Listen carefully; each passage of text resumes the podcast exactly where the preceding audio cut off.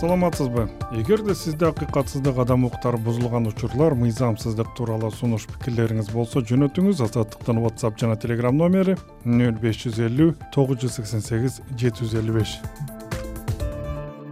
азаттыкка ыксан турак жай кооперативинин бишкек шаарындагы мүчөлөрү кайрылды. Алар компанияга салган акчаларын кайтарып алууда кыйынчылыктар жаралганын бийлик бул маселеде териштирүү иштерин тездетип бериши керектигин айтышты. Кооперативдин бишкек шаарында жашаган мүчөсү мээрим калдыбаева бир жыл мурда акчасын салган. Азыр болсо же үйдөн же акчадан дайыны жок дейт. Эки миң жыйырма биринчи жылы он жетинчи июль күнү Э, ихсан кооперативи менен биз келишим түзгөнбүз. Ошол келишимдин негизинде булар бизге декабрь айында бир бөлмөлүү үй алып бериш керек болчу финансирование болуш керек болчу. Азыркы күнгө чейин булар келишимдин баардык срокторун баары тең өтүп бүткөн.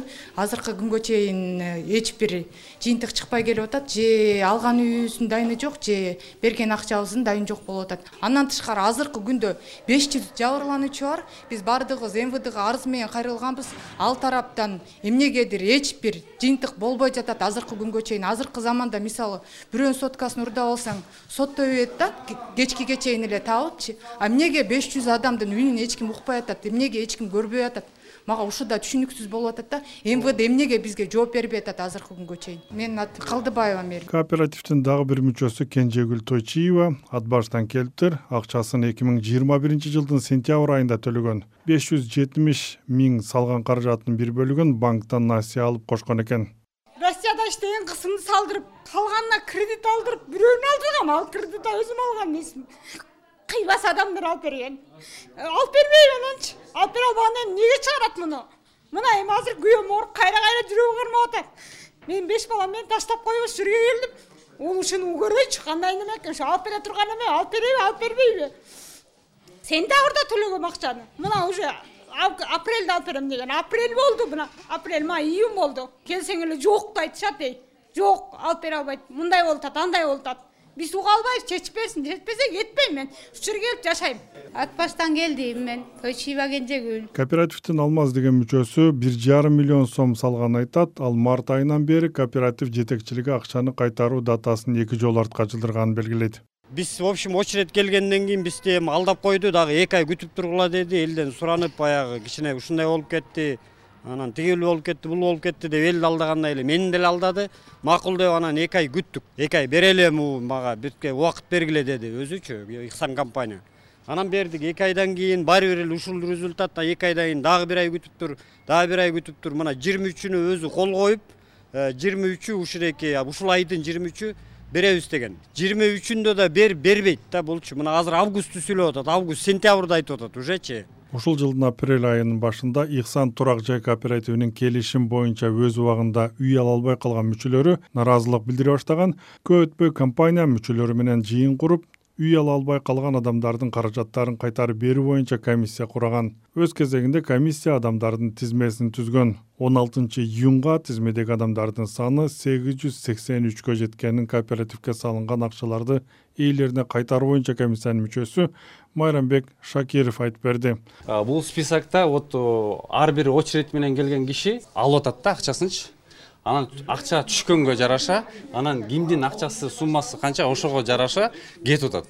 Күнүгө акча берилип атат. Кроме выходных. Бүгүн элүү төртүнчү алып атат майрамбек менин атым шакиров. Биз ихсан турак жай кооперативинин директорлор кеңешинин төрайымы акинай бекмурзаевага элдин нааразылыгы боюнча кайрылганыбызда элдин салган каражаты толугу менен өзүлөрүнө кайтарып берилерин ишендирди. Ошондой эле тизме кандай түзүлгөнү канча адамдын акчасы кайтарылганы тууралуу буларды билдирди акча каражаттарыбызды кайтарып алабыз деген списоктор түзүлгөн. Анын үстүнөн көзөмөлдөй турган пайщиктердин өздөрүнөн ревизионный комиссия шайланган. Бул список тизмеси заявление ар бир биздин мүчөбүз ихсан кооперативдин кайсы күнү келип заявление жазса датасын карап кайсы күнү жазган ошол тизме реестрге түшүп решение чыгып э, ошол основаниябыз решение решениянын негизинде ошол списоктор түзүлгөн азыр могул заявление түшкөндөрдүн решениясы боюнча биз биринчи апрелден берип баштадык. Биринчи апрелден азыркы учурда общий кыргызстан боюнча алганда где то эки жүздөн ашык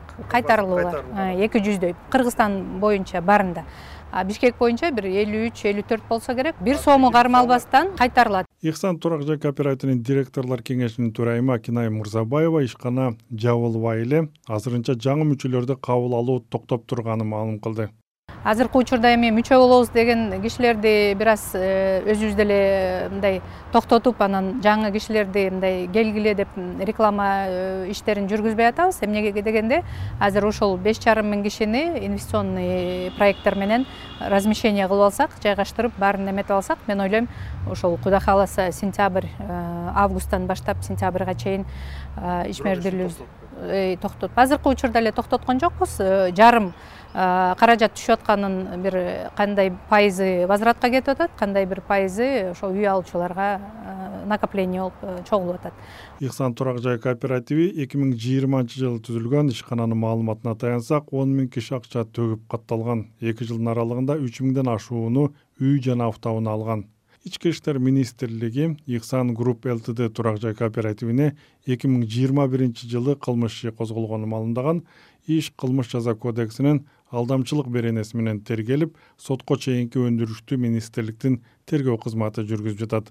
Министрликтин басма сөз кызматы азыркы күнгө чейин арыздар түшүп жаткандыктан тергөө иши аяктай элегин билдирди. Кыргызстанда эки миң жыйырма биринчи жылы жетимиштей турак жай кооперативи катталган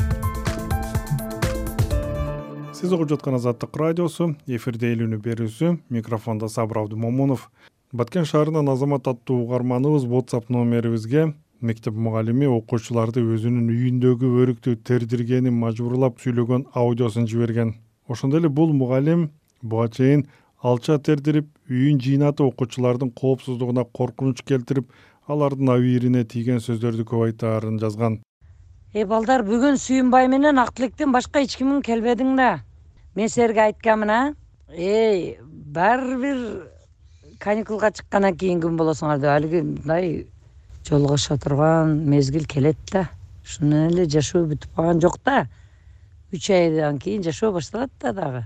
Азыр понедельник күнү саар менен саат сегизде машитте болуп калгыла салкында. Терип бүтүрүп коелу. Бүгүн экөөдөн башка эч ким келген жок да а баардыгың уктуң а биз окуучуларды ишке мажбурлап жатат делген мугалим менен байланыштык баткен шаарындагы владимир ленин атындагы орто мектептин окутуучусу сапия рахматова балдарга жогорудагыдай чакыруу салганын ырастап бул бир жолку жардам өтүнүчү болгонун билдирди. Өзүм эле да бир балама жумушка кетет. Анан мен ойлопмун да алиги өзүмчө эми эжеке жардам беребиз жардам беребиз десе ондо бир экөө ана кичине көчөтүндө турат эми. Эч ким келген да жок анан кийин койсо эгиз экен жетпеди кетип калды бирок ону чын ол чындыгында мен жаздым айттым эй эмне болой каникул эми мен өзүмдүн окуткан балдарга дагы анан ушунча жыл бир сөзүм чыкпай эле келип алып элем ветеран болсо кичине жардамга чакырса ол заводчу менен кошо келип мынтип видеосу менен кетишет мен чакырбайм ишим деле жок биздин миинде ондой адамдар болушот гектар гектар жерим анан жок неме алты соток жерим бар антип кичине көчөт ага көргүм да каникулда булар келбейт да. Азыр мен өзүм ремонт кылдым. Эртеге жыйнаганга келириз десең дагы келбейт. Мына уже буква атталганына үч жыл болду. Вообще келбейт да. Анан эй келип уборка кыгыла десең дагы келбейт. Эртең баягы краскалагыла десең дагы келбейт. Анан баардыгы азыр ата энелер жардам берип атат да класстарына. Мугалим сапия рахматованын жообунан улам окуучулар мектепти оңдоп түзөө иштерине да тартылаары айтылды бул боюнча аталган мектеп директору мавлюда маккамбаевага суроо узатканыбызда балдар үй иштерине тартылбаганын сапия рахматованын маркум атасы экинчи дүйнөлүк согуштун катышуучусу болгон үчүн буга чейин окуучулар барып тиричилигине жардам берип жүргөнүн билдирди. Мектеп директору оңдоп түзөө иштери боюнча жооп берип ишти мугалимдер өзүлөрү бүткөрөөрүн белгиледи. Ол ветеран атасы ветеран болуп жүргөн анан биз постоянно балдарды жардамга жөнөтөбүз да мурда жөнөтүп жүргөнбүз мектепти э, ремонт кылганда окуучуларды чакырсак келбейт депчи? Ол эми ремонт кылбайт окуучулар. Мугалимдер өзүбүз кылабыз биз. Акча бөлүнөт бирок кабинеттерге жетпейт краска актоо иштерин ким жүргүзөт өзү по положению краска актоо иштерин өзүбүз эле жүргүзөбүз мугалимдер өзүбүз эле кылабыз. Билим берүү жана илим министрлиги баткен шаарындагы мектептеги окуя боюнча комментарий берди. Анда окуучуларды жумушка тартуу боюнча жыйын болуп мугалим сапия рахматовага сөгүш жарыяланып мектеп директоруна эскертүү берилгени айтылат. Ал эми мектептеги оңдоп түзөө иштерине жобоо боюнча окуучулар да мектеп мугалими да тартылбашы керек дейт билим берүү жана илим министрлигинин басма сөз катчысы нуржигит мырзабеков. Бул окуя боюнча билим берүү жана илим министрлиги тарабынан жүргүзүлгөн иш аракеттердин натыйжасында аталган мугалимге карата сөгүш жарыяланып түшүнүк кат жаздырылып түшүндүрүү иштери жүргүзүлдү. Андан сырткары мындан ары окуучуларды эмгекке тартпоо боюнча эскертүү берилди. Ал эми оңдоп түзөө ремонт иштерине болсо жергиликтүү бийлик э, директор мектеп директору менен сүйлөшүп каражат бөлүп берүүсү керек болот. Мугалимдер же окуучулар ремонт иштерине катышпайт азаттыкка москва шаарынан аксанат угармановубуз пикир калтырган ал иниси алданып маңзат ташыган деген шек менен кармалып калганын. Кыргызстандан орусияга иштегени барып мындай мыйзамсыз торго кабылып калган жаштардын катары өсүп жатканын айтат. Угармановубуз кыргызстандын бийлиги бул жаатта элдин арасында түшүндүрүү иштерин жүргүзүүсү зарыл деп эсептейт. Бир тууган инимди подстава менен азыр он жылдан жыйырма жылга чейин камайбыз дегендей кылышып атат да. Азыр эми адвокат таап ар жак бери жагын сүйлөшүп калып атабыз. Бирок бул бир эле менин иним эмес. Аябай мындай жаштар көп экен. Ата энеси билген жаштар бар экен билбеген жаштар бар экен. Наркотика боюнчачы анан аны деген доставкага сүйлөшүп жеткизип берип койчу. Бат эле болот деп. Жаш балдар особенно токсон бештен ылдыйкы жаш жылкы балдар аябай көп экен булардын арасында кыздар дагы бар. Бир эле балдар эмес. Эки миңден дагы. Эки миң эки миң бир эки миң экилер эки миң үчтөр. Аябай бул нерсе өкүндүрөт. Могу биринчи жолу подстава менен именно менин иниме окшоп кирип кеткендерди алып кыргызстанга э, котортуп ал жактан үй камагына чыгарып под наблюдением же болбосо могу чек араларга коргогонго солдат кылып болсо дагы жөнөтүп биринчи шанс берип караса болбойбу. Видео ролик кылып ушул нерсени жаштарга таркатсаңыздар жакшы болот беле дейм тил билбей жөн жерден камалып кеткен жаштар да аябай көп экен да бул жактачы. Ушуну менен эл үн уктуруусун жыйынтыктайм бизге тема сунуштап пикир калтырыңыз. Байланыш үчүн телефон номер нөл үч жүз он эки жыйырма бир токсон төрт жыйырма үч. Whatsapp телеграмдагы номерибиз нөл беш жүз элүү тогуз жүз сексен сегиз жети жүз элүү беш элдин пикирин топтогон мен сабыр абдымомунов. Эсен туруңуз